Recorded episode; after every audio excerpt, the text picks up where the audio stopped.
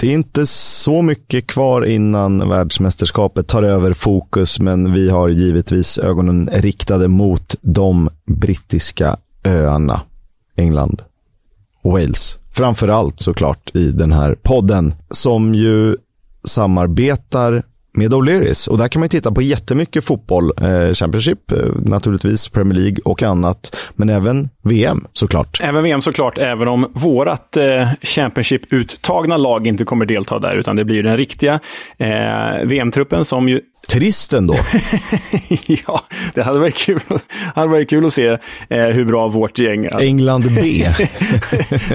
planterat sig eh, framför England B på O'Learys med Oskar Kisk och Leonard Jägerskiöld Welander som förbundskaptener. Nej, riktigt så eh, eh, eh, speciellt ska det inte bli. Däremot blir det speciellt på ett riktigt sätt istället, inte sånt här eh, fabricerat scenario. Ni kan ju som sagt titta på både Championship och VM på O'Learys. När Championship tar en paus så kan ni ju faktiskt kolla på England och Wales, eller Kanada, eller Brasilien, eller vad ni vill på O'Learys restauranger.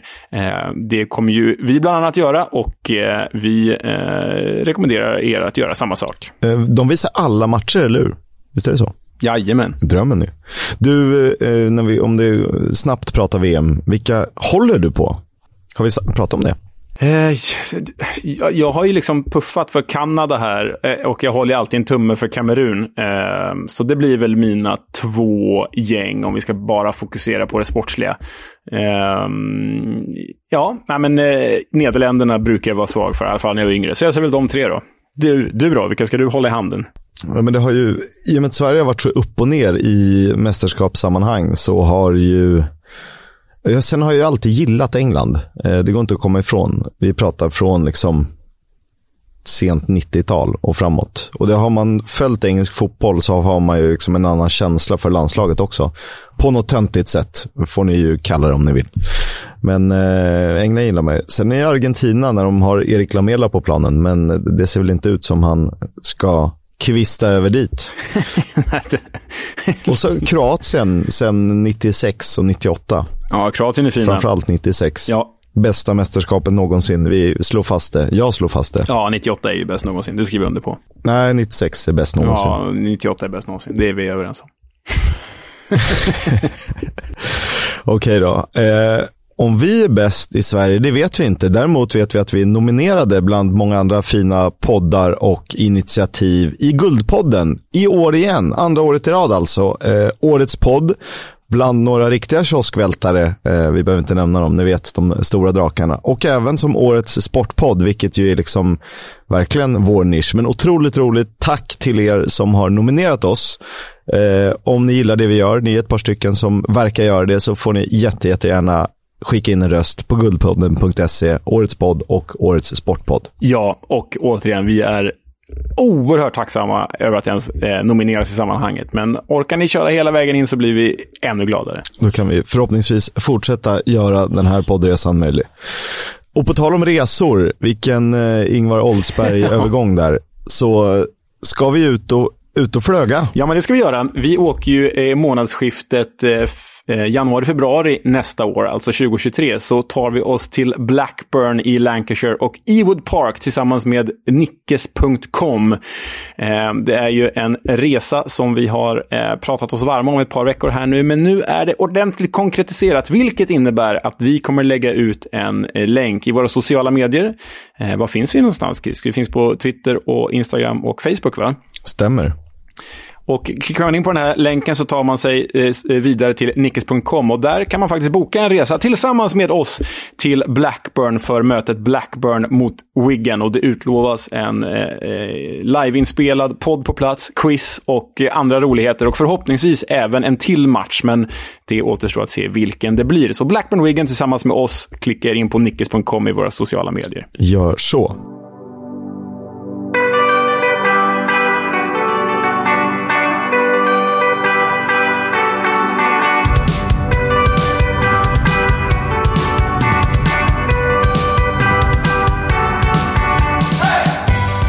Du lyssnar på Football's Coming Home, en podcast om Championship, League 1 och League 2.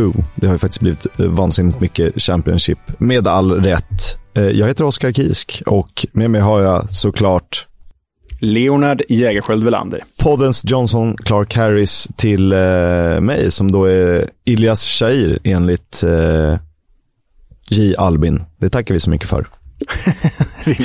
eh, vi dyker rakt in i det som har varit och vi börjar med fredagens match som jag eh, lite hånfullt eh, sågade. Det var inte riktigt så, eh, utan det var en eh, halvmysig tillställning mellan Reading och Preston North End. Men det var kanske inte så här jättesexigt. Vi pratar inte eh, södra Wales-derbyt eller något sånt.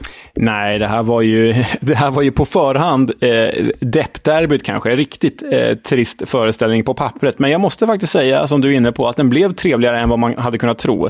Man hade kunnat förvänta sig kanske en blöt 0-0 med en chans, men Ah, alltså Reading är ju, säger man vill om dem, hur inte säga när de är, så är de ändå ganska underhållande den här säsongen. Och Preston har ju faktiskt hittat fart, eh, vilket de eh, onekligen bevisade här genom att faktiskt vinna med 2-1 borta mot The Royals.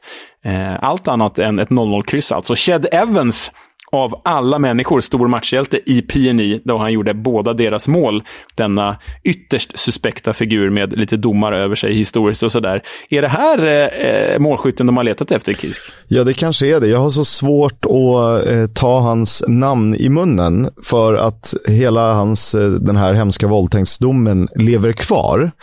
Men det som är lite speciellt, man måste ju ändå någonstans som eh, eh vanlig människa gå på, på domstolens beslut. Eh, och han blev ju faktiskt friad i efterhand efter att ha suttit av eh, hela eller delar av tiden sedan nya bevis kommit mot att det här skulle vara liksom fingerat. Exakt, och det blir liksom, i och med, i och med att situationen ens uppstod så är han ju för evigt dömd i, i mångas, och du hör ju vi pratar om honom, liksom, eh, eh, för evigt dömd i mångas öron och, och, i många sinnen. Men han är ju faktiskt på pappret friad och då, då eh, är man ju friad. Liksom. Då kanske man inte ska, eh, eller då ska man ju definitivt inte eh, prata så negativt om som, som många har eh, gjort om honom, eller som bara du och jag har gjort om honom det här, det här senaste poddåret. Eh, oavsett skyldig eller ej, eh, han är ju oskyldig på pappret, så blev han ju matchvinnare här och det är ju kanske vad Preston behöver, en Shed Evans i målform när övriga anfallare inte levererar som de ska. De behöver någon med styva bröstvårtor och vassa armbågar. Alltså, eh, bolluslingen ska in, punkt. Och eh, Emil Ries kanske lite lite för polerad, tänker lite för mycket avslut i krysset. Och Troy Parrott är ju både skadad och helt ur form. Eh, han, hans enda mål den här säsongen kom ju precis innan han eh, skadade sig, så det var väl ironiskt nog för hela PNI och anfallsspelet. Men de har ju tagit lika många poäng som Queens Park Rangers den här säsongen. Vilket är lite sjukt när man tänker på det. Ja, för vi har ju liksom aldrig nämnt PNI i de sammanhangen. Men nu är de där, de är topplag, de nosar på det och det känns som att hittar de eh, en kontinuerlig målskytt, då kan de mycket, mycket väl vara en playoff-utmanare. Lite tunn trupp kanske, men vi vet ju att den defensiva stabiliteten finns där. Och om Emil Ries inte är i mål, men Chad Evans kan göra det, det här var hans första mål på 35 matcher, vilken är en jävla sjuk stat för en anfallare för övrigt, men säger väldigt mycket om PNI också. Eh, ja, men då kommer de ju definitivt vara med där framåt vårkant. Ja, och vi måste tillägga att Preston North End har gjort 16 mål. De har släppt in 16 mål, vilket betyder att de har eh, noll i målskillnad. Det betyder också att de har gjort minst antal mål och släppt in minst antal mål. Ja, men såklart. Det var väl inte så, så konstigt. Sju, vad är det här för Ryan Lowe-gäng? Eh, tittar vi på Reading så fortsätter ju raset här. En seger på de åtta senaste. Lucas Schwau gjorde målet. Han har inte riktigt eh, hittat samma form som han hade i våras efter skadan. Men eh, Reading rasar och börjar mer och mer se ut som det lag vi förutspådde inför säsongen. Eh, liten spaning här. Vi sågade Reading för säsongen som ett så här, uh, urk, de här ska bara åka ur. Och då hade vi någonstans bestämt oss för att men, de här måste åka ur. Sen blev de helt plötsligt ganska bra. Och de blev ju inte bra, eh, PNI-tråk bra, utan de blev ju Reading, charmiga, Paulins vet inte riktigt vad han gör, bra. eh, och, och, nu har man nästan börjat så här, ja men fan vad mysigt med Tom Ince. Ja, de slänger in Andy Carroll. Shane Long är uppe och springer. Fasen vad härlig. Nu när de börjar rasa, då blir man glad för att man får rätt i spåkulan, men också för att man börjar tycka om dem lite. Ja, men man, man börjar ju tycka om dem. Alltså, jag, har, jag har ju mitt korståg mot Joe Lumley men, men, och Jeff Hendrick tycker jag är en direkt avskyvärd spelare. Men annars, annars är det riktigt härliga profiler. Alltså, du nämnde inte ens Junior Hoylet där som min personliga favorit i det här gänget. Så, nej, men det, det, det är profilstarkt. Även om de tappade många profiler inför säsongen så är det profilstarkt och faktiskt gjort det på ett rätt underhållande sätt. Det är ju många underhållande spelare här. Eh, jag menar, deras... Man vet ju inte heller om de har liksom sent om sidor bara råkat värva in någon så här Allen Halilovic eller Bojan Kirkic-figur. De skulle ju lätt kunna bara, och Balotelli är klar. Ja, exakt. Och ingen förvånad. Balotelli Carroll, det hade varit mysigt. Äh, men, äh, men jag, jag, tycker du är rätt ute där på Reading. Uh, nu plussar vi dem lite grann, då kommer vi fortsätta rasa förstås. Men, men absolut, det vore kul att, att åtminstone ha kvar The Royals i serien. Absolut. Uh, två lag som vi definitivt kommer att uh, ha kvar i den här serien. Eller? De har ju åtminstone säkrat kontraktet, men det är snarare så att de börjar titta uppåt och vilken mangling vi fick se tidig lördag mellan Sheffield United och Burnley. Ja, alltså det var väl ingen som trodde på förhand att den här matchen skulle sluta 5-2. Snarare 1-1, va? Eller något i den stilen. Men eh, vilken jädra andra halvlek Sheffield United gör. Den är ju sinnessjuk. Det står alltså 1-1 i paus efter mål av Benson Manuel för Burnley och Ilman Ndiaye för Sheffield United. Och, och sen andra halvleken som Sheffield gör, den är, alltså Kisk, jag vet inte, är det säsongens bästa halvlek? Ja, men det, det måste det vara. Det var lite som att de bestämde sig, okej okay, nu, gör, nu gör vi det här. Eh, några av lagen har ju den nivån i sig. Det är väl typ Burnley, Norwich, ibland Watford och kanske Sheffield United också.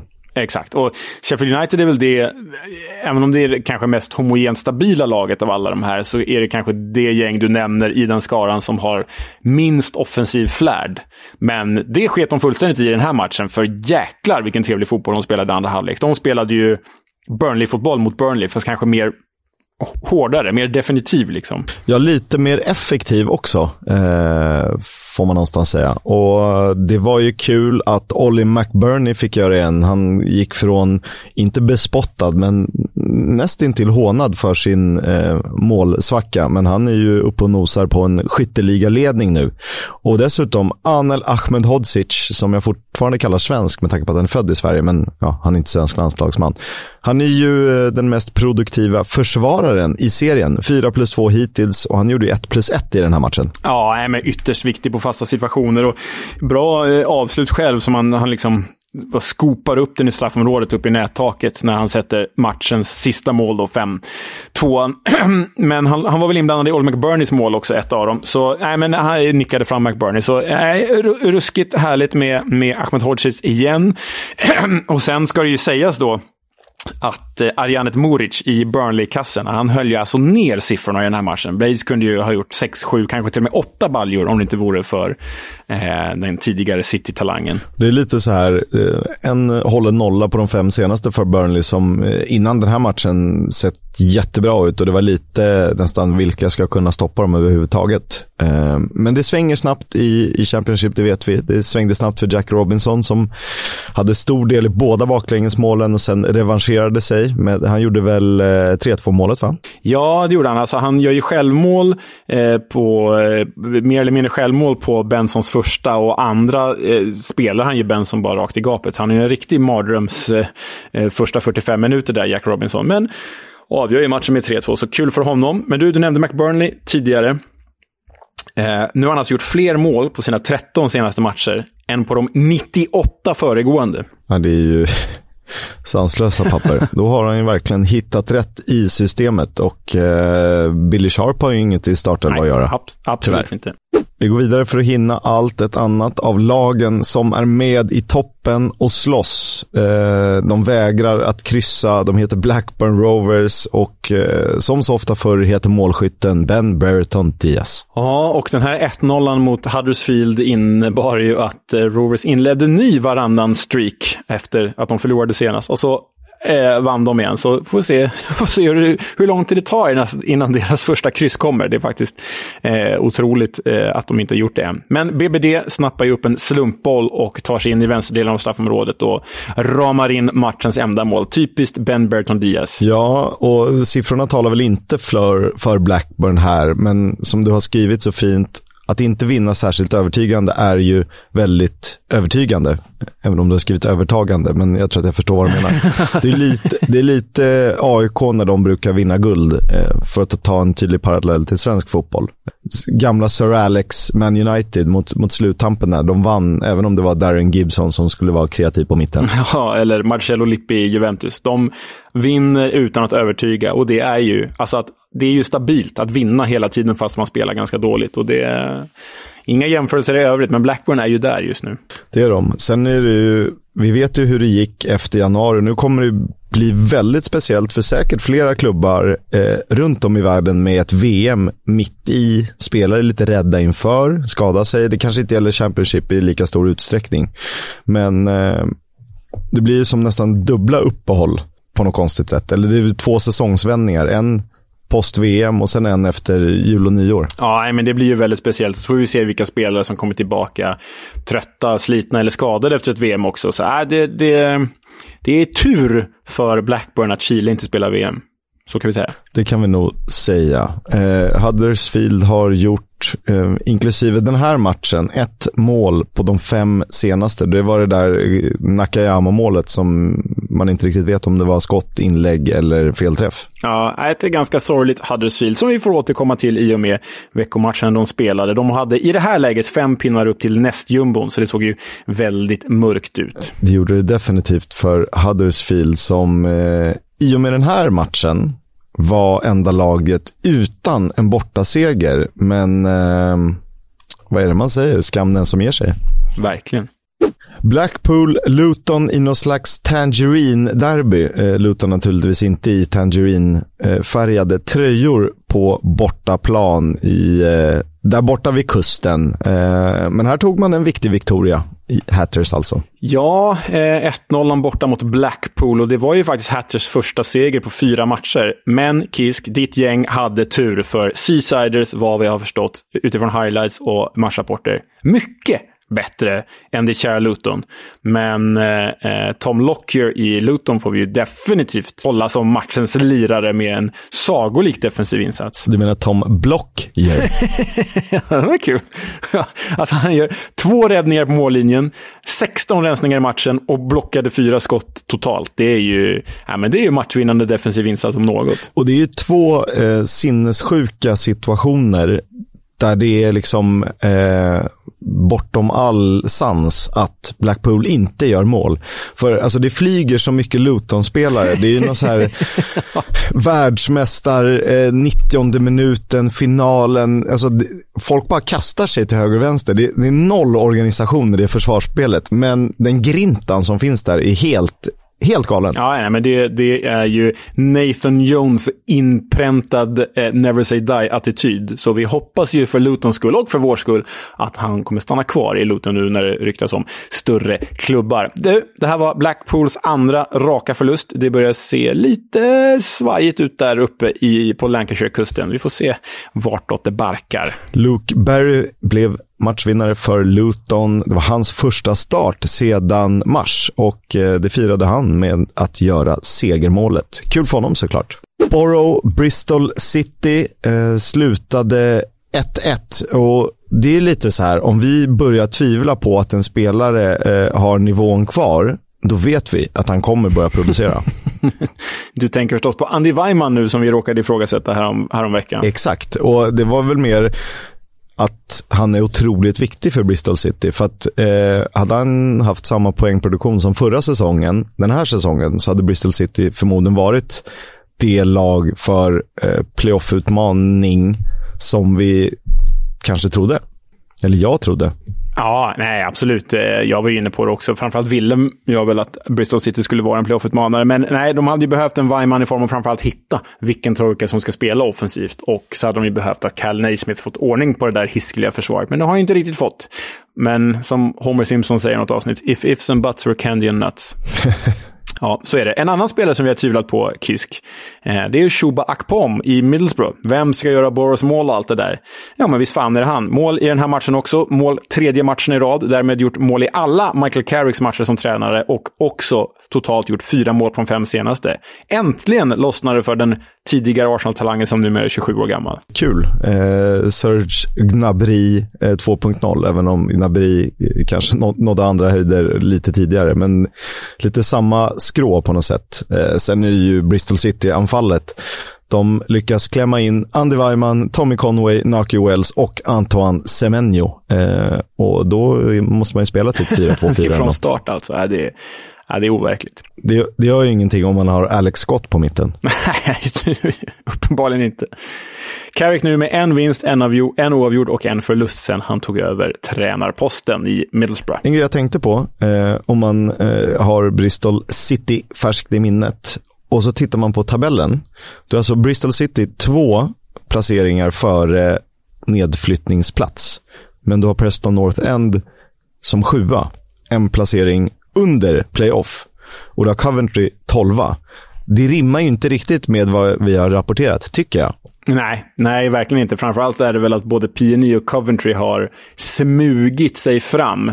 Vi har väl varit lite på Coventry. Jag tycker att vi har ändå varit rätt i bedömningarna på sista tiden om Bristol, för vi har ju faktiskt sågat, varit med på deras ras. Men, men framförallt PNI's uppgång har vi väl missat. Det har vi gjort. Millwall håller sig i sitt mittenträsk. Det är det de är gjorda för.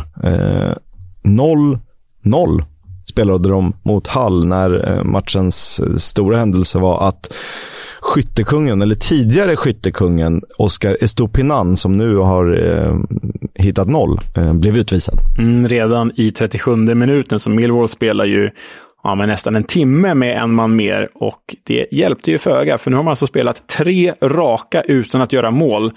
Eh, trots 17 avslut i den här fighten. Då. Så äh, Millwall behöver ju hitta målformen igen. Sian Fleming, Benny Fobi, vem som helst, Bradshaw. Dags att leverera om vi ska haka på det här playoff-tåget. För det här är ju inte bra mot eh, ett Hall. Även om de kör över Hall, ska det ju sägas. Men det är ju inte bra på pappret. Nej, det här var ju en sån här match där bollen inte riktigt ville in. Eh, Fleming hade väl någon ganska farlig frispark och Bradshaw har några sådana här halvchanser där han är på rätt plats, men eh, bollen studsar fel väg. Det var ju det här röda kortet du nämner, det är ju för övrigt så jäkla fult. Alltså det är en spark i ansiktet på Cresswell. Och jag vet inte om du såg Cresswell efter matchen, men han har ju en blåtira större än min axel i ansiktet. Den är, äh, den är otroligt ful. Är den. Sen är det väl inte riktigt meningen, eh, utan det ser ut som att han inte riktigt ser Cresswell, eller eh, menar det, men eh, vi låter det vara osagt. Rotherham, en av tre nykomlingar nerifrån, som ju har det lite tufft och hade det lite tufft till och med matchen mot eh, Norwich. Och det är väl kanske inte så överraskande. Nej, alltså Rotherham är ju inne i en ganska tung period, haft ett ganska svårt spelschema också, där de ändå, tycker jag, har mätt sig helt okej okay mot de här liksom, tidigare Premier League-lagen. Eh, nu blev det ju torsk 1-2 hemma mot Norwich här, men eh, enligt rapporterna var ju Rotherham faktiskt det bättre laget. Eh, även om de försvarar väldigt uselt på Norwich eh, Eh, på ja, bägge Norwich-målen, ska vi säga. Så en, eh, ja, nej, jag vet inte. Det, de, de kanske borde fått med sig en poäng från den här fighten, men det, var väl, det är ju skillnad att vara nykomling från League One och nykomling från Premier League. Då av, brukar avgöras i Premier League-lagets favör, om vi säger så. Ja, det är skillnad mellan liksom, att värva Gabriel Sara och ställa upp med typ Connor Washington också. Ja, jo, eh, exakt. Eh, den stora grejen här var väl dock, eh, även om Även om det är fint att Aaron Ramsey får göra mål igen och sådär för Norwich, så var den stora grejen att den här Rotherham-supporten som, som eh, erbjöd sin tröja till Wes Harding vid ett inkast. Wes Harding behövde torka bollen på Rory Delap-manér och hade ingen handduk. Och då är det en Rotherham-supporter som sitter bredvid och ger honom sin tröja. Så den här supporten blöter ner sin tröja och sitter i t-shirt i regn och rusk. Så det är ju starkt gjort av honom. Den, eh, den var populär. Vi får hitta mer sånt roligt att dela. Målet som, eh, för det var Kenny McLean som gav Norwich ledningen och Oliver Rathbone som utökade strax efter pausvilan. Sen gör ju de mål nästan mer eller mindre på, direkt på avspark. Det går inte mer än en minut innan, eh, men där är ju lite taskigt också. Viktor Johansson får ju inte så mycket hjälp. Nej, det var ju det jag menade. Att Rotherham-försvaret är ju väldigt svagt. Där de lämnar Victor Johansson ensam på Aaron Ramseys eh, eh, segermål blir det ju. Minuten efter Rotherhams kvittering alltså. Och med det här då, Rotherham bara en seger på de fem senaste. Det börjar dofta bottenstrid. Det kan nog tyvärr bli så, men vi vet att det kommer veckomgångar och då kan vad fasen som helst hända. Eh, så vi får återkomma med det. Till ett West Midlands-derby då, för det är det ju faktiskt när Stoke och Birmingham drabbar samman. Ja, den här var ju eh, eh speciell för att var, var, har man Stoke? Var har man Birmingham? Hur dålig är Stoke? Hur bra är Birmingham? Och det skulle ju visa sig att Stoke är sämre än Birmingham helt enkelt. Så enkelt är det Kiss. För Birmingham gick ju vinnande ur den här fighten med 2-1, där de faktiskt dessutom hade ledningen med 2-0 efter mål av Scotty Hogan och Harley Dean. Harley Dean som för övrigt heter James emellan. Vilket roligt. Då kan man ju säga James Dean. Det var hans första mål sedan april 2021 och kul också att Scott Hogan är med och nosar på en eh, skytteligaledning. Delar den ju faktiskt. Ja, vilket är, det är ju ytterst oväntat får man ju säga. Han gjorde väl bara 10 förra säsongen. Här avväpnar han ju en ytterst trög Phil Jagielka som vänder långsammare än Brede Hangeland och en finlandsfärja här. Så svagt av Jagielka som kanske blir petad i vår VM-trupp då, det får vi se. Eh, men eh, Äh, ytterst imponerad av Scott Hogan som ju har blivit den här tungan på den här Birmingham-vågen som vi inte alls hade väntat Nej, de... Eh, alltså som storlek på klubb, får man ordning på St. Andrews så finns ju potential för att kunna slåss om playoff. Kanske inte riktigt den här säsongen, men på sikt. Och de har ju inte mer än tre poäng upp egentligen, så en seger och lite flyt med resultaten så är de ju där. Men den såg man verkligen inte komma. Vi pratar ju om dem som ja, gränsfall att de klarar sig kvar ens. Aha. Till och med nedflyttning. Nej, men det är ju, det är ju läskigt läge för dem. Eh, det, ja, nej, men till och med nedflyttning. Det, det är det vi, var, det är det vi varit inne på. Det, det som är så speciellt med den, här, med den här matchen, det är att den verkligen sätter fingret på vad The Championship är. För man kan förvänta sig så jäkla mycket från ett Stoke i flera år i rad, som vi också har gjort. Och man kan verkligen förvänta sig så pass lite, som vi gjort från Birmingham. Och så är det ändå helt tvärtom i tabellen. Så det, den här matchen är verkligen symptomatisk för vad The Championship är. Ja, nu är det snarare Stoke eh, som vi snackat om som mittenlag möjligt kunna kika uppåt, som är, får oroa sig bakåt istället. Du, den här segern innebar att det var bara två förluster på de tolv senaste för Birmingham. Det är, är, det här, är de eh, den här säsongens Derby County? Eh, alltså, så dåliga var de väl inte för och, och inte heller riktigt så fattiga, även om eh, det kanske blir lite poängavdrag om Maxi Lopez och hans kompanjon har fifflat med siffrorna och, och satt in pengar på fel sätt. Eh, men vi får väl se. Det fortsätter ändå lite i dur för De Blå. Det gör det. Och Carlos Corberan har möjligtvis börjat hitta rätt medan man träffat en riktig QPR-svacka. För det gjorde man på Loftus Road. Ja, eh, det blev ju bara ett mål i matchen och det var Kyle Bartley som knoppade in segermålet för West Brom borta mot QPR. Och därmed, som du är inne på, två raka segrar för Carlos Corberan som nu vunnit två av tre som West Brom-manager. Eh, och dessutom har han ju faktiskt fått liv i John Swift och bara det är ju värt hur mycket Ja, för där har man ju en av seriens bästa centrala mittfältare eh, och kreatörer om man så vill beroende på hur han ska användas. Men det här får väl ändå kallas en rättvis seger, en hyfsat jämn match. Och eh, för QPR ser det lite mörkare ut. De hade ju en rejäl svacka från afrikanska och framåt, där man inte riktigt hittade rätt igen under vårsäsongen. Och vi får väl hoppas att den här är kortare för Hoops skull. Ja, det, det, det, får vi se om den är. För det, nu håller de på att spela bort sig från playoff-platserna. Men vi vet ju att säsongen är lång och det svänger hit och dit. Men QPR eh, är ju inne i sin första riktiga formsvacka här. Och den har ju faktiskt sammanfallit med att Michael Beal nobbade eh, en tränarflytt till Wolverhampton i Premier League. Så, när man förväntar sig att de skulle liksom sluta samman bakom sin lojala tränare som istället rasat. De kanske ville bli av med honom, Kiss. Ja, det har, det har jag svårt att se. Alla verkar ju rycka i honom från eh, höger till vänster. Men eh, inklusive den här matchen, en poäng på tre, noll mål gjorda. Det är ju förstås ett jätteproblem när man har spelare som Ilias Shahir och Chris Willock. Och för att Shahir ska vara den Tarapt 2.0 vi pratat om så måste ju det produceras fler poäng. Ja, nej men så är det ju. Han hade ju en streak där i början av säsongen där han gjorde, klev upp där högt i assistligan. Men nu, nu händer det ingenting. Jag vet inte om det är hans fel eller om det är liksom Eh, avslutarnas fel. För Lyndon Dykes i all ära, han är ju inte en 20-målsmänniska. Han är snarare en 10-målsperson. Eh, och de behöver ju hitta en skyttekung som lever upp till de, de framspelningar man har bakom sig, Shair och Willock. Man hade behövt en Olly McBurney i form, eh, så att inte det hade varit så mycket ansvar på Chris Willock och Ilias Shair. Sunderland är också en nykomling, precis som Rotherham, som har haft det tufft. De hade det tufft även i helgen när de gästades av Cardiff. Ja, men slarvigt Sunderland här. Positivt är ju att de faktiskt fick starta Ellie Sims för första gången sedan skadan, men det räckte ju inte, för de förlorade alltså 0-1 hemma mot Cardiff. Och det är så sjukt slarvigt, för de ger bort en straff. Nu bränner ju Joe Rolls den straffen. Eh, men de ger också bort målet. i riktigt svagt försvarsspel när Mark Harris i matchens enda mål. Så, så nej, Sunderland kan bättre. Och här var det väl snarare ett ineffektivt Cardiff som borde gjort fler mål. Och eh, de har gjort näst minst antal mål i serien. I, i, I samband med den här matchen hade de faktiskt, låg de ju sist i den ligan. Ja, det är ju ett Cardiff som vi inte haft jättehöga förväntningar på, men det, det, det svänger, även om de liksom bara vinner och förlorar sina matcher med 1-0, 0-1 och sådär, så känns det som att det är ganska stora svängningar i Cardiff. För helt plötsligt är de ganska säkra i mitten och sen ligger de nere vid nedflyttningsstrecket och nosar. Ehm, jag börjar ju luta mer åt det senare, att det kan bli en jobbig säsong för Cardiff, även om den här Victorian var viktig förstås.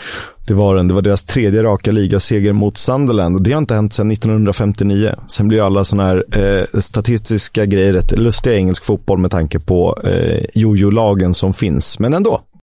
Från en seger av ett Wales-lag till ett kryss av ett annat Walesiskt lag. Det var den sämsta övergången den här podden har haft sedan den började. Men ändå, från Cardiff eh, borta till Swansea hemma. Ja, och det, är, det är starkt av Cardiff, svagt av Swansea, så kan vi säga. Här hamnar de alltså tidigt i underläge hemma mot eh, ja, men, seriens sämsta lag för tillfället, Wigan. 0-2 efter en kvart.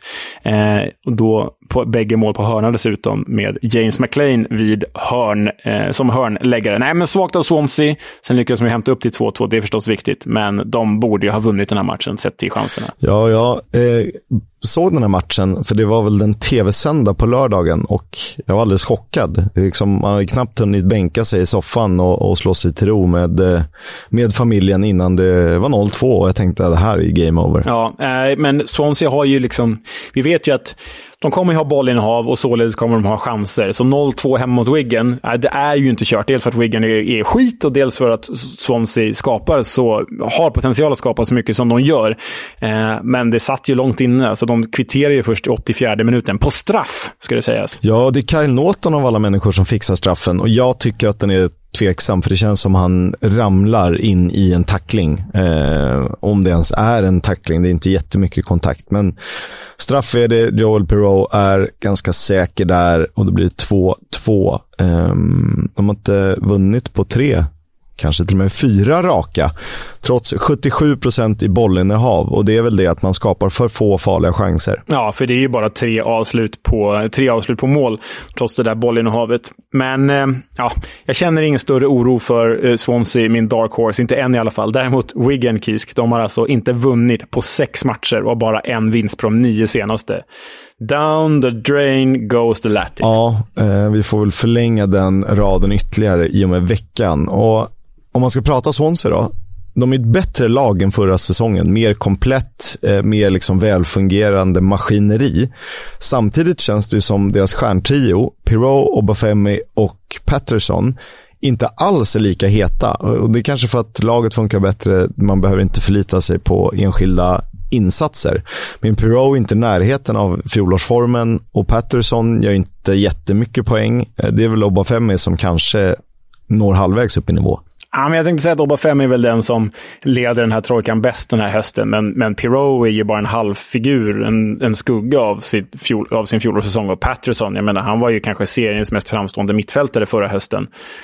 men efter det här kontraktsbråket som var i våras, han går inte att känna igen. Det är ju, han, han har gått från att vara oumbärlig till att typ inte ens behövas. Nej, det, de kan väl skeppa honom till Newport eller någonting. Typ. Vi går vidare till svensk framgångar. Man kunde tro att det var Ken Sema som hade gjort någonting hemma mot Coventry för Watford. Men det är Vicarage Road och då är det Vic med K. För det var Victor Gyökeres som blev den här matchens stora man. Och han har hittat in i ett superbt stim just nu. Ja, ah, men verkligen. Och liksom skjuta sitt Eh, ja, men definitivt nederlagstippade Coventry till seger bort, borta mot The Hornets. Det är ju ytterst, ytterst imponerande. Och för det har han ju hyllats enormt av fansen och på sociala medier, av Championship-experter i England. Och återigen så florerar Premier, Premier League-rykten om vår landslagsman. Så eh, kul för Jöken, kul för Coventry, men Watford eh, fortsätter ju vara alldeles för ojämna och borde se sig själva i spegeln lite grann.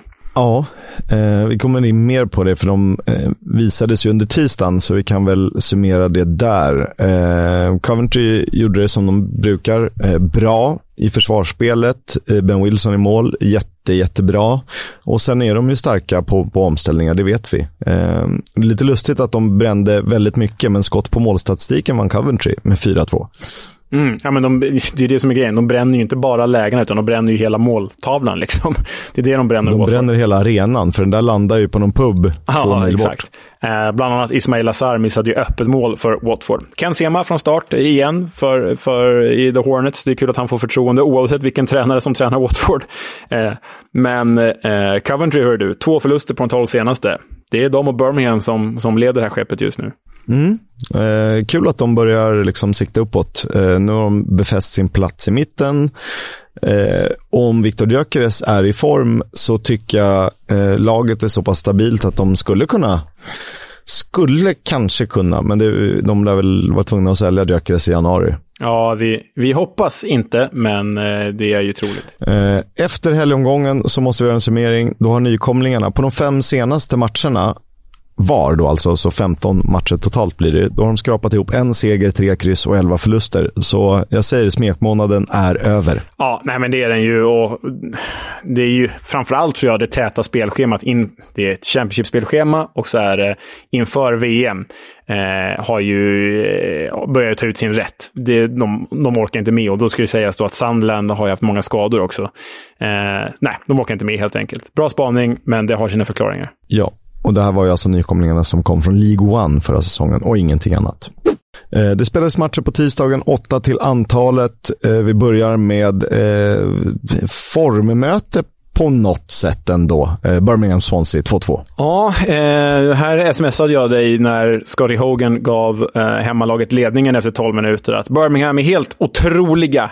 Eh, men Swansea är det på sitt sätt också. Men Birmingham liksom besegrar ju alla odds om och om igen nu för tillfället. För här blir de ju de blir ju som vanligt överkörda av Swansea när Swansea spelar. Men Swansea har faktiskt bara 65 bollinnehav i den här fighten. Så det är ju häpnadsväckande. Det är ju katastrofalt dåligt för att vara dem. ja, ja, det är det. Eh, men de vände ju ändå. Alltså, som sagt, Hogan gav ju Birmingham ledningen. Swansea vände genom Oliver Cham och Matt Grimes. Så har du sett en Chams mål? Det är faktiskt riktigt läckert. Fin skruv i bortre. Ja, och det, Ryan Manning träffar ju insidan av stolpen strax innan, innan bollen till slut landar hos en Cham som viker in den på Ben Brereton Diaz maner. Mm, bra liknelse, den gillar jag. Uh, och Matt Grimes mål var ju faktiskt också rätt trevligt. Hans första på över ett år, sedan maj 2021. Mm. Eh, med all rätt togs han ut i din landslagstrupp. Jag kanske saknar honom lite. Eh, får revidera den där om han har på sig. Han är definitivt på reservlistan. Viktigt kvitteringsmål för Birmingham i 89. Det var Troy Deeney som gjorde det. Eh, den heliga kossan i byn. Och det är ju Alltså man kollar på den situationen så känns det som alla är ett huvud längre än sina motståndare i Swansea. Det är, och då blir det ju svårt att försvara sig mot tyngden i straffområdet och, och höjden också för den delen. Ja, men och framförallt är det ju ett straff mot Swansea för att deras tröjor är så hiskeligt fula. Då förtjänar de inte att vinna. ja, de där orange. Oh. Nej, de är så jäkla fula. Men eh, fjärde raka utan förlust för Birmingham, fjärde raka utan seger för Swansea. Åtta poäng för The Blues, tre poäng för The Swans. Det är formskillnad. Eh, det är det. Sen är det ju bara, bara och bara fem poäng, men det eh, beror på hur man vänder och vrider på informationen. Eh, Zack Steffen, som ni kanske sett om ni följer oss i sociala medier, passade på att ta en eh, välförtjänt tupplur när eh, Marcus Fors hade gjort 2-0 eh, på straff. Eh, han satt och chillade mot stolpen där, eh, bortaplan. 40 minuter kvar att spela. Det är, det är modigt.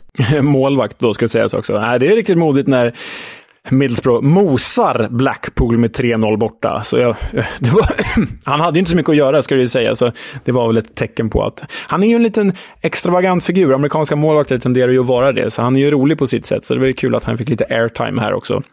Men du, um, jag tycker det finns många intressanta grejer i det här Middlesbrough. För Blackpool känns ju hopplösa. Men dels Shubak Pom, mål igen. Mål i Carricks alla fyra fighter. Och den här nya rollen för Isaiah Jones, en av seriens bästa wingbacks förra säsongen. Nu spelar han till höger på mittfältet eh, för Middlesbrough. Det känns ju som att de kommer få ut ganska mycket av det. Det tror jag också. Han är ju superfin. Och pratar vi våra landslagstrupper så var han ju med i båda. Eh, dels för att han är en bra högerback, men också för att han kan spela höger mittfält eller ytter. Eh, beroende på hur man väljer att se på det. Och den tredje grejen jag tar med mig i Borough här, det är ju att Marcus Fors, kan det lossna för honom nu? Stora värvningen från Brentford inför säsongen för Middlesbrough. Mål och assist. Han kanske behöver ett 4-4-2-system för att komma igång. Ja, back to basics, eh, lite enklare. Eh, viktiga målskyttar här för Borough tror jag också, eh, för att få igång självförtroendet. Och de kan väl också börja titta lite uppåt snarare än att eh, se sig om efter någon nedflyttningshärj. Exakt. Du eh, gjorde en liten spaning när jag såg att det var Chris Maxwell som stod i Blackpool. Eh, han har ju varit första valet sedan oktober. Innan det var det Daniel Grimshaw. Och jag känner ändå lite att jag är team Grimshaw här. Eh, varför vet jag inte, för det är två otroligt eh, fina namn de har. Men om man kollar på siffrorna så är de nästan identiska. Eh, Eh, Maxwell har väl stått 10 och Grimshaw 9 eller sånt där. Ja. Maxwell har räddat 36 av 51 skott. Grimshaw 36 av 50. Eh, det är kanske hållna nollor som skiljer sig, där Grimshaw har 3 på 9 och Maxwell har 1 på 10. Sen är det ju, Maxwell har tagit 11 poäng på 10 matcher, Grimshaw 11 på 9 matcher. Maxwell släpper in 1,6 mål per match, Grimshaw 1,5. Tycker det är intressant statistik och data, för jag gillar ju inte riktigt när man inte har en uttalad första målvakt. Det är klart att liksom en första målvakt måste känna sig hotad och känna konkurrens. Men här blir det snarare så att de inte litar på någon av målvakterna. För anledningen till att de byter är väl att de inte är nöjda med den målvaktens spel. Och när båda drar identiska siffror, då kan de väl inte vara nöjda med någon av målvakterna. Nej, jag hade nog eftersökt mer förtroende för någon av dem. Ja, det, det, finns de som kollar Blackpool vecka ut och vecka in som kanske kan säga att ja, men det ser så mycket bättre ut för hela laget när Maxwell sår. Men det går ju också att härleda till siffrorna och jag tror att det var efter en lite tuff period, inte nödvändigtvis bara för Grimshaw, men för, för eh, hela laget som man valde att göra bytet om jag minns det rätt. Men eh, intressant att se. Det var lite som Victor Johansson och Josh Vickers, heter hans eh, kompanjon va? I eh, League One förra säsongen. Ja, precis. Exakt. När de roterade i Rotherham. Och det funkar i handboll. Eh, vet inte riktigt med fotboll. Jag tror att det är bra att ha en etta. Sen vill man ju ha en Carlo Codicini som tvåa, så man vet när han kommer in är han bäst i världen. Men eh, han är nöjd med att vara tvåa också. Ja, och eh, snygg han också. Ja, det är han. Men eh, han skadade sig i en motorcykelolycka. Stackarn. Ja, det är inget bra. Nog om Blackpool-målvakter och tillbaka till svenska målskyttar, eller den svenska målskytt vi har. Det är ju egentligen bara en i Championship. Han fick punktera tillställningen när Coventry, föga förvånande, tog tre poäng hemma mot Wigan. Ja, han, eh, det är ett rejält sånt Viktor Gyökeres mål också. Eh, de led, led... Satan vad snyggt det är. Men de är ju ledning med 1-0, 95 minuten, Wigan kliver upp. Gyökeres tar ju ner en boll på Patrik Kluivert maner på mittplan, vänder bort sin försvarare och sen rusar han bara. Tjus som en jävla oxe, för han är ju stor som en oxe. Rusar förbi typ två pers och placerar in den. Riktigt sånt Gyökeres mål när han är som bäst. När han får rusa, helt enkelt. Ja, jag säger ju att det är en Berbatov-mottagning. Eller nedtagning, rättare sagt. Och eh, de, har ju, de ser helt olika ut. De har ju inte alls samma eh, sätt att spela. Men när Berbatov var som bäst, mest vältränad och snabbast, så är det inte helt olikt. Vet att han hade någon eller några sådana i Tottenham. När han liksom Fast då, han var ju lite mer elegant. Han tog ju ner bollen snyggt och sen pep han bara förbi. Han smög förbi. Eh, Gyökeres älgar ju fram som en riktig jävla viking. Eh, men i övrigt finns det likheter. Ja, men det... Eh, ja, men den, jag kan köpa den. Absolut. Gyökeres är väl lite bättre tempo, lite mer muskler, men absolut. Sen har ju Gustav Hammer flyt eh, till 1-0 målet. Den studsar ju och blir en obehaglig bollbana, eh, hyfsat otagbart. Så sent avgörande matchens sista kvart för Coventry alltså, som ju nu kan kalla sig ett mittenlag. Och dessutom har de väl två matcher till godo gentemot många av sina konkurrenter. Mm, nej, ytterst imponerande. Wigan däremot faller ju avgrundsdjupt. De kommer att göra Huddersfield sällskap där nere. Eh, det ser väl tyvärr ut så för Latics. Eh, Cardiff är, som vi precis sa, eller som du precis sa i den förra matchanalysen, upp och ner och fram och tillbaka. Och eh, hemma mot Hall tycker man ju att de borde kunna ta tre poäng. Ja, men de gör ju inte det. De, de hamnar ju i underläge tidigt, 0-1, vänder till 2-1 genom Callum Robinson och Gavin White. Men tappar ändå till 2-3 och förlorar. Och då har väl Hall kanske den här bounce-effekten som vi pratade om för en avsnitt sedan när man får en ny tränare. För det här var ju Liam Rosinius första match som tränare för Hall och att då avgå med seger eh, rimmar ju väl med den här så kallade bounce-effekten.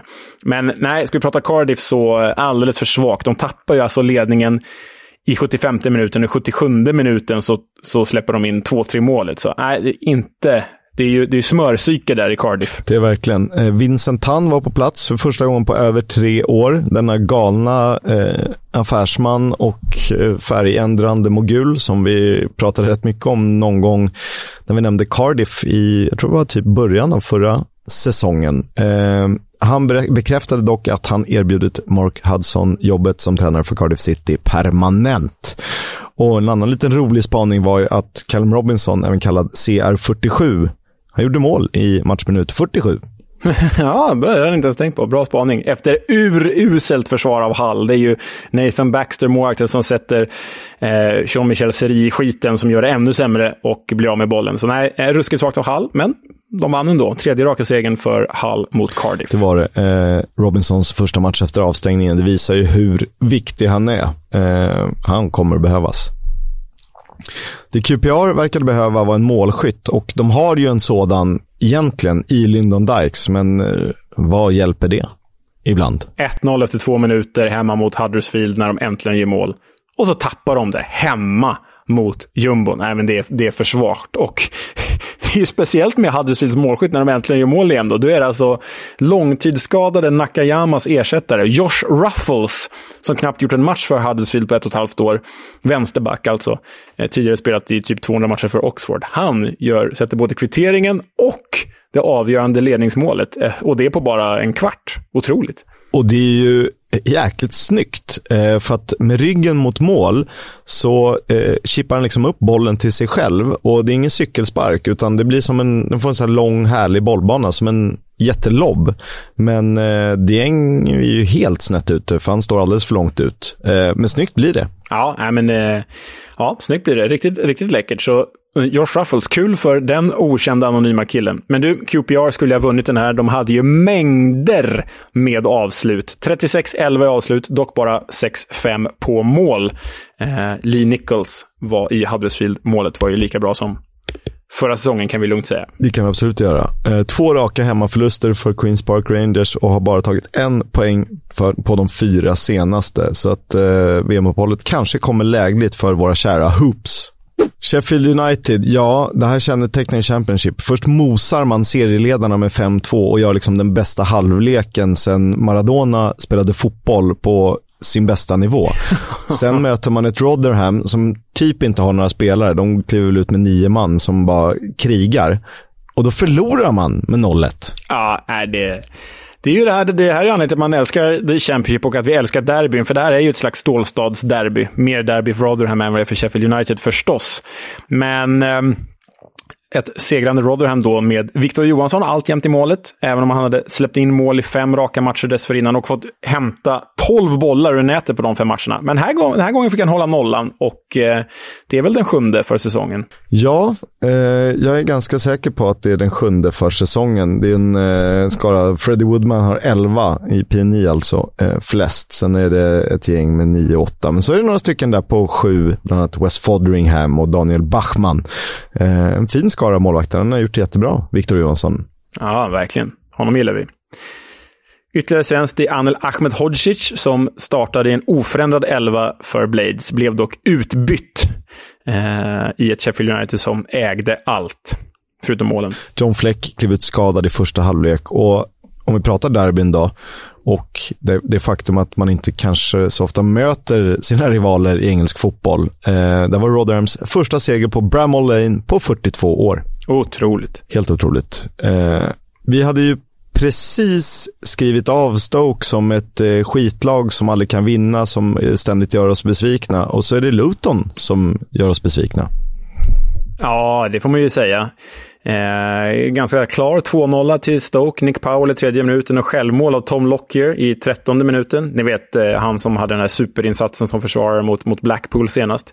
Eh, men svagt av Luton. Mer imponerande av ett eh, effektivt, eh, effektivt Stoke. Och Nick Powell med två mål på fyra senaste. Får vi se när han skadar sig igen då. Men så länge han är med så är han ju viktig för The Potters. Ja, det har blivit lite så att eh, nu förlitade man sig förvisso på Elijah Adebayo förra säsongen, men i år är det ju Carlton Morris som är den figuren och Adebayo har inte i målprotokollet sett lika bra ut, även om samspelet med Morris och andra har fungerat rätt bra. Men de skapar en del, eh, lyckas inte få hål här. Kanske lite diskussionerna kring Nathan Jones, som ju möjligtvis är på väg till Premier League, som kan spöka. Det är ju mer förståeligt än att Beals nej tack till Wolves skulle göra det. Ja, men jag tror att du har något på spåren där. Man vill ju bara döda ett sånt där rykte så fort som möjligt. Och så vi hoppas ju på att Nathan Jones stannar och inte går till Premier League. Det gör vi ju självklart. Watford hade inga större problem med att städa av Reading, även om man gjorde det lite väl spännande. Eh, den matchen var den tv-sända under tisdagen. Det blev 2-0 och målskytten eh, två gånger om Joao Pedro.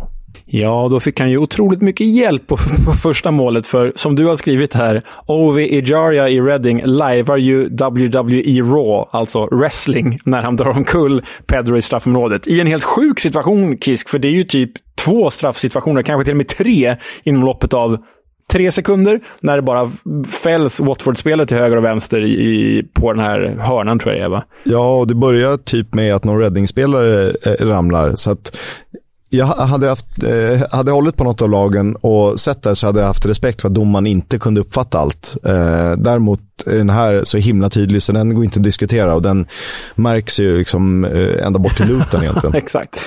Eh, men Pedro är i alla fall säker när han rullar in den straffen. Tar sin egna straff, det gillar vi inte. Nej.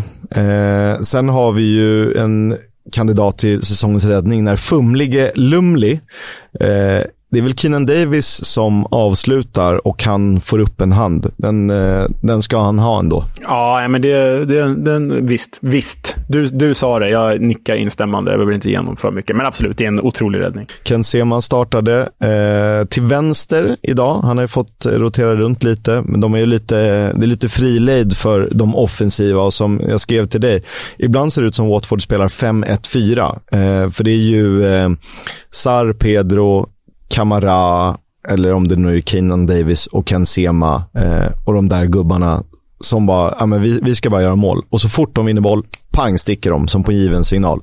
Och sen är det, vad heter han, Hamza Shodori. Ja. Shudauri? Shuduri. Shuduri. Shuduri. Fan. Hamza Shuduri. Shuduri. Ja. ja, vi ska inte beställa några rätter med hans namn. Nej. han lämnas ensam kvar. Ja, det har ja, ju. Han, han har liksom någon så fri roll. Han ska täcka hela mittfältet. Eh, och sen är det de här stånkarna där bak som bara är beredda på brunk, liksom, som ett eh, amerikansk fotbollsförsvar som bara kommer mot oss. alltså, ditt sätt att beskriva Hamza Choduris roll här, det påminner lite om när Real Madrid, typ så här, de hade, vad var det, de hade Roberto Carlos som vänsterback och han trodde att han var anfallare. Och så hade de Michel Salgado som högerback och han trodde att han var Roberto Carlos. Och så hade de Ivan Helguera som ena mittbacken och han trodde att han var en playmaker, så han försvann också. Och ensam kvar stod då Raúl Bravo och fattade ingenting. Det här eh, var väl Zidans Y Pavones, så det är väl säkert någon Pavon där också eh, emellanåt. Ja. Ja, men li lite så. Jag tycker att det blir lite tydligt. Det här var dock sjätte segern på tio under Slaven Bilic, så något rätt har han ju gjort, även om jag tror att på lång sikt så kanske Rob Edwards hade varit bättre. Instämmer. Och det var veckoomgången summerad. Eh, vi ska blicka framåt.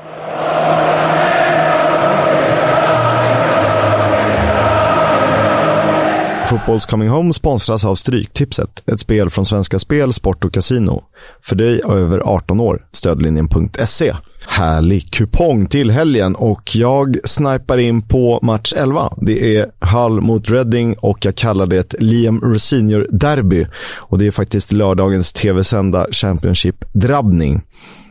Hans första hemmamatch, eh, Rosinius alltså som manager för Hull, ett lag som vunnit blott en av de sju senaste matcherna på MKM Stadium. Eh, och Det är väl ingen överdrift att säga att Reddings form lämnar en hel del att önska med bara en vinst på åtta matcher i ligaspelet.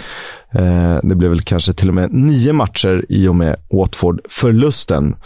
Eh, så det kan ju bli lite av en höjdpunkt, lite brunkigt, lite rugbykänsla och sådär. Vad ser du mest fram emot? Um, ja, du, alltså, du, har ju, du har ju nämnt det så fint här, men vi, vi har ju faktiskt söndagens eh, eh derby, El Lan Clasico, eh, som är liksom den absolut stora händelsen här. Och eh, du har ju förberett ett litet klipp här, som jag faktiskt inte ens har hunnit spana in. Nej, och jag vet att vi kommer dela det i sociala medier på fredag. Eh, så jag tänker att eh, ni får vänta med Battle of Turf Moor till det. Det är Burnley mot Blackburn söndag 13.30. Den går på tv också. Eh, ni, får, ni får vänta lite på den, suga på karamellen. Ja, men det är ju helgens match. Det är derbyt. Sen är det alltid kul med fredag och sådär. Fredag Birmingham, Sunderland. Men helgens match är ju Lancashire-derbyt, Burnley-Blackburn. Sen har vi lite annat roligt också. Du valde ut Norwich, Middlesbrough, Coventry, QPR eh, lördag. Kul fighter. Mm, de tror jag på. Southampton har sparkat Ralf Hassenhüttel och de ser ut att ersätta med Nathan Jones från Luton alltså. Hatters har ju gått ut och meddelat att man godkänner att han förhandlar med klubben, vilket är fint. Och Nathan Jones har i utbyte visat sin vördnad för Luton och sagt att han alltid har fått bra gehör från styrelsen. Samtidigt har han sagt efter tisdagens match att inget är klart än, men eh, det ska väl mycket till om de inte kommer överens. Mm, och eh, eventuell ersättare till Nathan Jones sägs vara Gary O'Neill, numera caretaker i Bournemouth. Han uppges vara favoriten att ta över. Andra som nämns är Plymouths Steven Schumacher samt kontraktslösa trio Neil Critchley, Rob Edwards och, och Chris Wilder. Och Neil Critchley, som ju hade Blackpool förut, skulle kunna göra något liknande med Luton. För om det är någon som kan få ihop något av, ett, eh, av en liten budget så är det ju han. Verkligen. Bra namn. Mike Ashleys bud på Coventrys arena uppges vara allt mer konkret och det ryktas också om att han vill köpa klubben om han lyckas lösa arenan. Eh, vi säger så här, Victor Gyökeres stick. Ja, det man kan säga med Mike Ashley, som vi faktiskt pratade om när det ryktas att han skulle ta över Derby, det är att han kommer ju ta sin nya klubb, för han kommer köpa en klubb, det är uppenbart, men han kommer ta sin nya klubb till Premier League. Och sen kanske han stannar eh, där i ett något slags halvbottenskikt. Men Premier League är nog en trolig destination med Mike Ashley vid rodret. Ja, allt behöver inte vara skräp. Yuto Nakayama har vi nämnt tidigare i Huddersfield. Han missar resten av säsongen på grund av skada. Missar därmed också VM för Japan förstås. Tråkigt för Huddersfield, för det här är typ deras enda bra spelare den här hösten.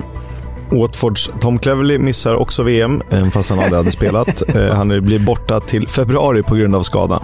Ja, och sen har vi speciella rubriker kring Luton, för deras damlags match i helgen med över 800 åskådare avbröts, eller spelades aldrig, då vaktmästaren inte ville att planen skulle förstöras inför herrarnas träning dagen därpå. Och detta förkunnades av Luton på deras officiella Twitterkanal. Och efter massiv kritik så togs tweeten bort och istället skyllde de på det dåliga vädret. Eh, har man varit i Luton så kan man förstå att det blir så här. Eh, du vet, ingen tänker och så försöker man bara göra och hoppas att internet ska glömma fort. Eh, för ibland känns det som att typ Luton är i paritet med Torn IF. Torn är bättre på Twitter bara. Eh, ja, men det är de definitivt. Eh, som ni vet, Liam Rosinior är äntligen klar som tränare för Hull och Andy Dawson, Michaels brorsa, världens bästa Michael Dawsons brorsa Andy, är kvar i tränarstaben. Två Hull-legendarer. Um, om Rangers i Skottland skulle jag säga med Giovanni van Bronckhorst är Michael Beale, Queens Park Rangers, nummer ett på listan över efterträdare. Men jag tänker att tackar man nej till Wolves, då tackar man väl nej till Rangers också. Även om han faktiskt varit assisterande till Steven Gerrard i just Rangers. Lite så. Ben Brereton Diaz har bekräftat att han kommer att stanna i Blackburn säsongen ut med det solklara målet att bli uppflyttad med Rovers. Eh, West Ham sägs just nu ligga bäst till eh, där Manchester United klivit in som ny utmanare. De ska tydligen hård-scouta honom. Men jag tänker att hans kontrakt går ut i sommar. Om Blackburn får ett hyfsat bud eh, som är lite mer än vad de egentligen borde få för en spelare med sex månader kvar på kontraktet så kommer de inte inte släppa honom. Eh, känns det som. Nej, det, det kommer ett riktigt bra bud, men samtidigt Ja, Premier League-drömmen är nog bara möjlig med honom, är ju känslan. Eh, det kanske är så, för de har ju möjligtvis tackat nej till rätt feta bud tidigare och då kanske man undviker typ 5-10 miljoner pund för att chansa på uppflyttningen som är värd betydligt mycket mer. Men du Kisk, eh, vi har fått önskemål om att återinföra en eh, gammal vignett. Eh, och eh, därför har det blivit dags för eh, vår talangkoll. Remember the name.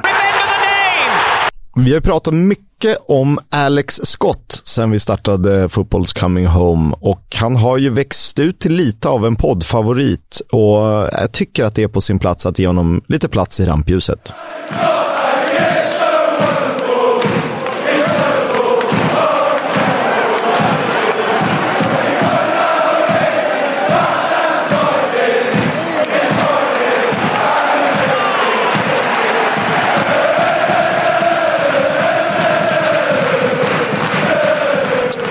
Helt otrolig ramsa för övrigt.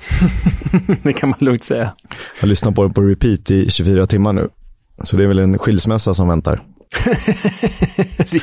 Googlar man Alex Scott finns ju gott om info om en 38-årig högerback med 140 engelska landskamper på meritlistan, eh, förutom ett gäng ligatitlar och fa Cup-triumfer. Dessutom är ju Scott, som vi vet, en erkänd mediaprofil som deltagit i en rad produktioner genom åren. Både sportrelaterad tv och underhållningsprogram. Men det är inte den Alex Scott vi ska prata om. För vår Alex Scott är född i augusti 2003 på Guernsey, ni vet en av öarna i Engelska kanalen. Sedan 2021 har han proffskontrakt med Bristol City och blev under förra säsongen en konstant på Robins mittfältet. Eh, hans spelstil är ju väldigt, väldigt utvecklad och mogen för sin ålder och skickligheten ligger i att styra tempot och rytmen på mitten.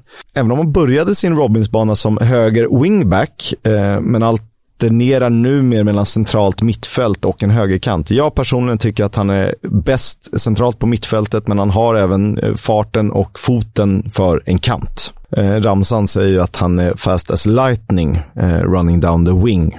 ja, nej, men han är, jag håller med. Han är bäst på mitten. Där får han ut mest av sitt spel. Enligt uppgifter är han lika mogen utanför planen och har själv alltid varit nyfiken på hur han själv kan påverka sitt spel till det bättre, eh, till skillnad från eh, hur man hör många andra unga fotbollsspelare prata om.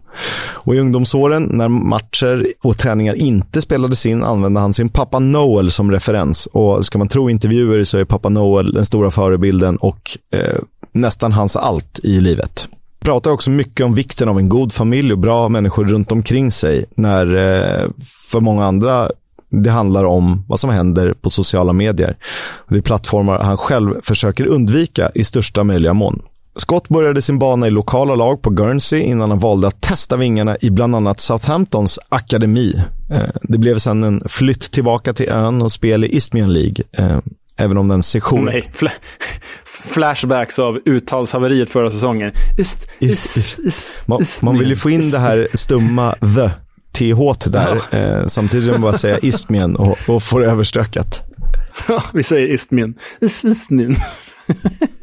Sessionen i FC Guernsey i Isthmian League då, blev rätt kortvarig när Stoke, eh, Stoke han heter Scott, eh, plockades upp av Bristol City som hyfsat nybliven 16-åring.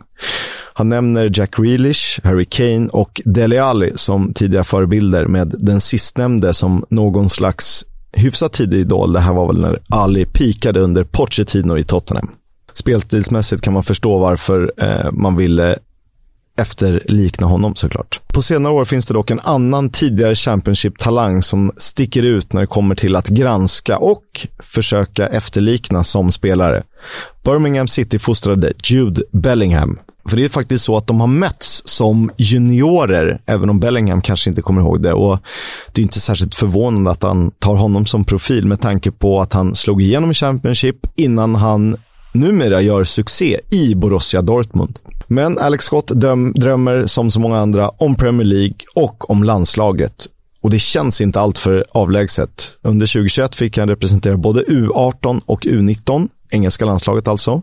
Och tidigare år blev han en del av U20-landslaget tillsammans med spelare som bland andra Charlie Patino, Aaron Ramsey, Norwich Aaron Ramsey alltså, Liam Delap och Daniel Jebison. Och det är väl förenklat så att U20 är typ en B-variant av U21. Ja, det skulle man kunna säga. Det lugn och den mognad Scott visar upp på planen och i intervjuer är faktiskt det är väldigt påtagligt. Och man förstår varför jag gör det så bra. Inga förhastade beslut eller överdrivna utsvävningar i sin karriär. Bara trygghet i sin roll och en ständig ambition om att försöka utvecklas. Och av spelare 21 år eller yngre i Championship har bara två spelat fler minuter. I Manchester City ägde Taylor Harwood Bellis i Burnley och sedan tidigare etablerade Jack Clark. Och han är faktiskt bland de högst rankade unga centrala mittfältarna i hela serien. Framtiden då? Jo, redan i somras ryckte flera klubbar i Alex Scott, men han stressade inte iväg. Everton, West Ham och Leicester.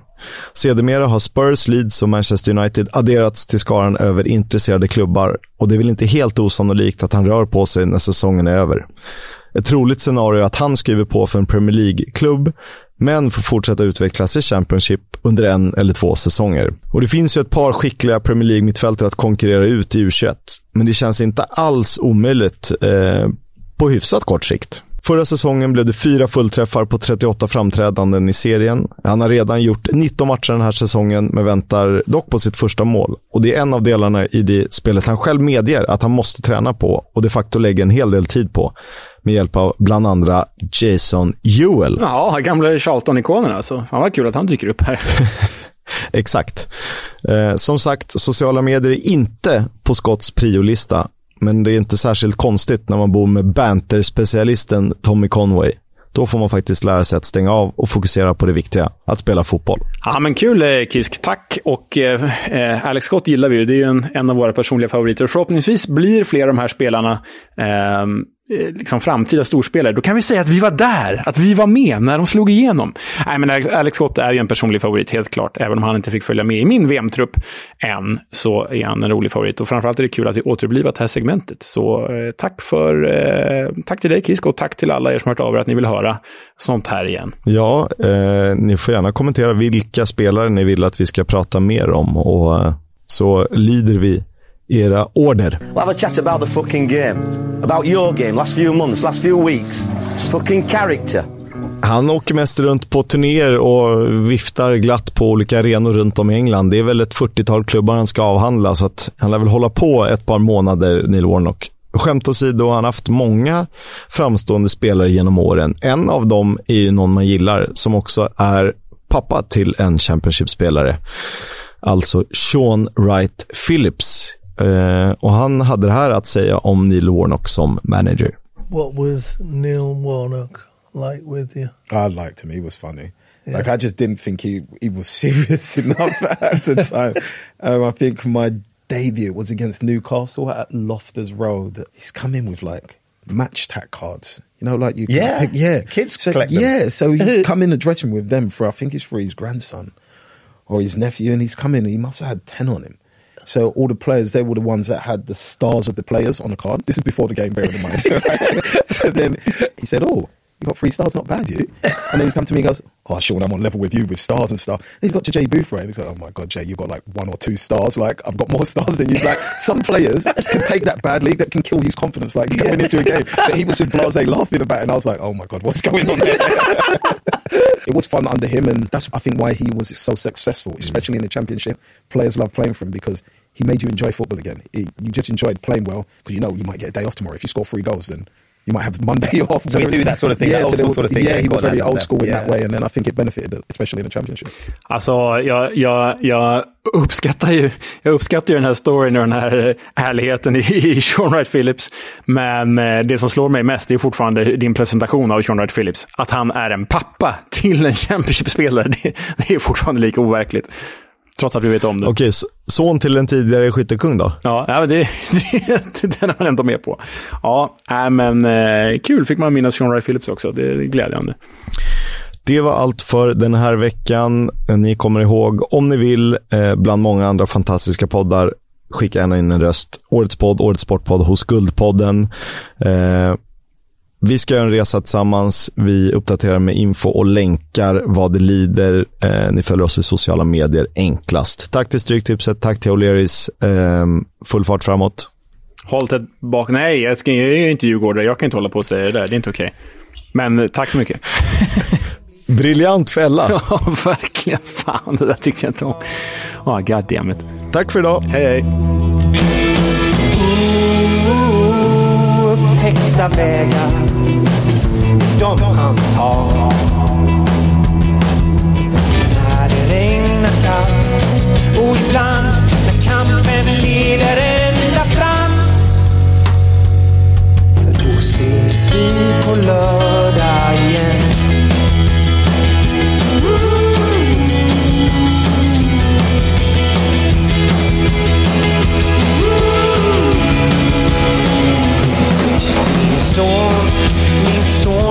Kommer väl aldrig bli som jag.